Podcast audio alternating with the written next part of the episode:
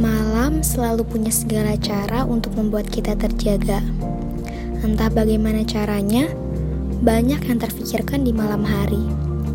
Tentang aku, kamu, atau semesta yang mengelilingi akan aku tumpahkan di sini.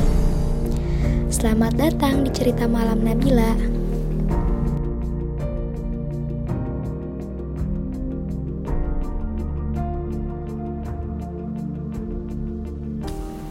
Dan tidak satu makhluk bergerak atau bernyawa di bumi, melainkan semua dijamin Allah rezekinya. Quran Surah Hud ayat 6 Dalam Surah Hud ayat 6, tertulis jelas bahwa Allah menjamin rezeki tiap insan.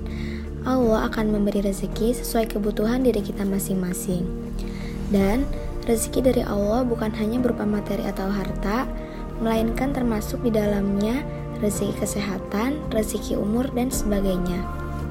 Mengutip kata-kata Ustadz Umar Mita di salah satu ceramahnya, yaitu orang-orang yang sedikit hartanya belum tentu serta-merta menjadikan dirinya orang yang bersedih. Orang yang diberikan sedikit hartanya sering kali dilapangkan hatinya. Mereka menikmati harta yang sedikit itu dan mampu bersyukur bila diberikan kenikmatan walaupun sedikit konsep bahagia mereka pun akan lebih sederhana bagi mereka.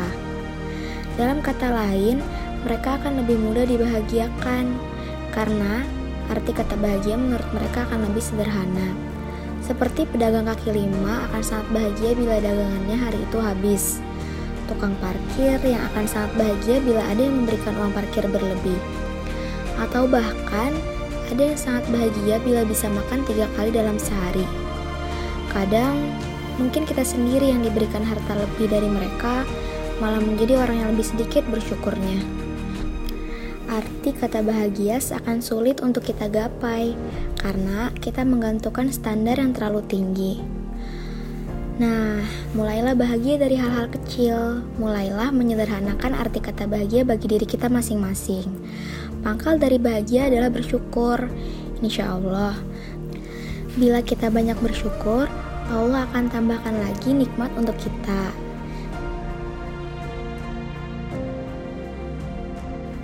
Ada salah satu hadis lagi dari Bukhari dan Muslim yang berisi yaitu yang namanya kaya bukanlah dengan banyaknya harta atau banyaknya kemewahan dunia. Namun yang namanya kaya adalah hati yang selalu merasa cukup. Jadi intinya Letak kebahagiaan itu bukan ada di rumah yang mewah, mobil yang mewah, harta yang melimpah, tapi kebahagiaan itu letaknya ada di dalam hati kita masing-masing. Semoga kita semua bisa lebih menghargai kehidupan kita ini dan bisa bahagia karena hal-hal kecil. Jadi kalau misalnya ada kebahagiaan yang besar, kebayang nggak kita bakal bahagianya kayak gimana? Jadi yuk kita bahagia.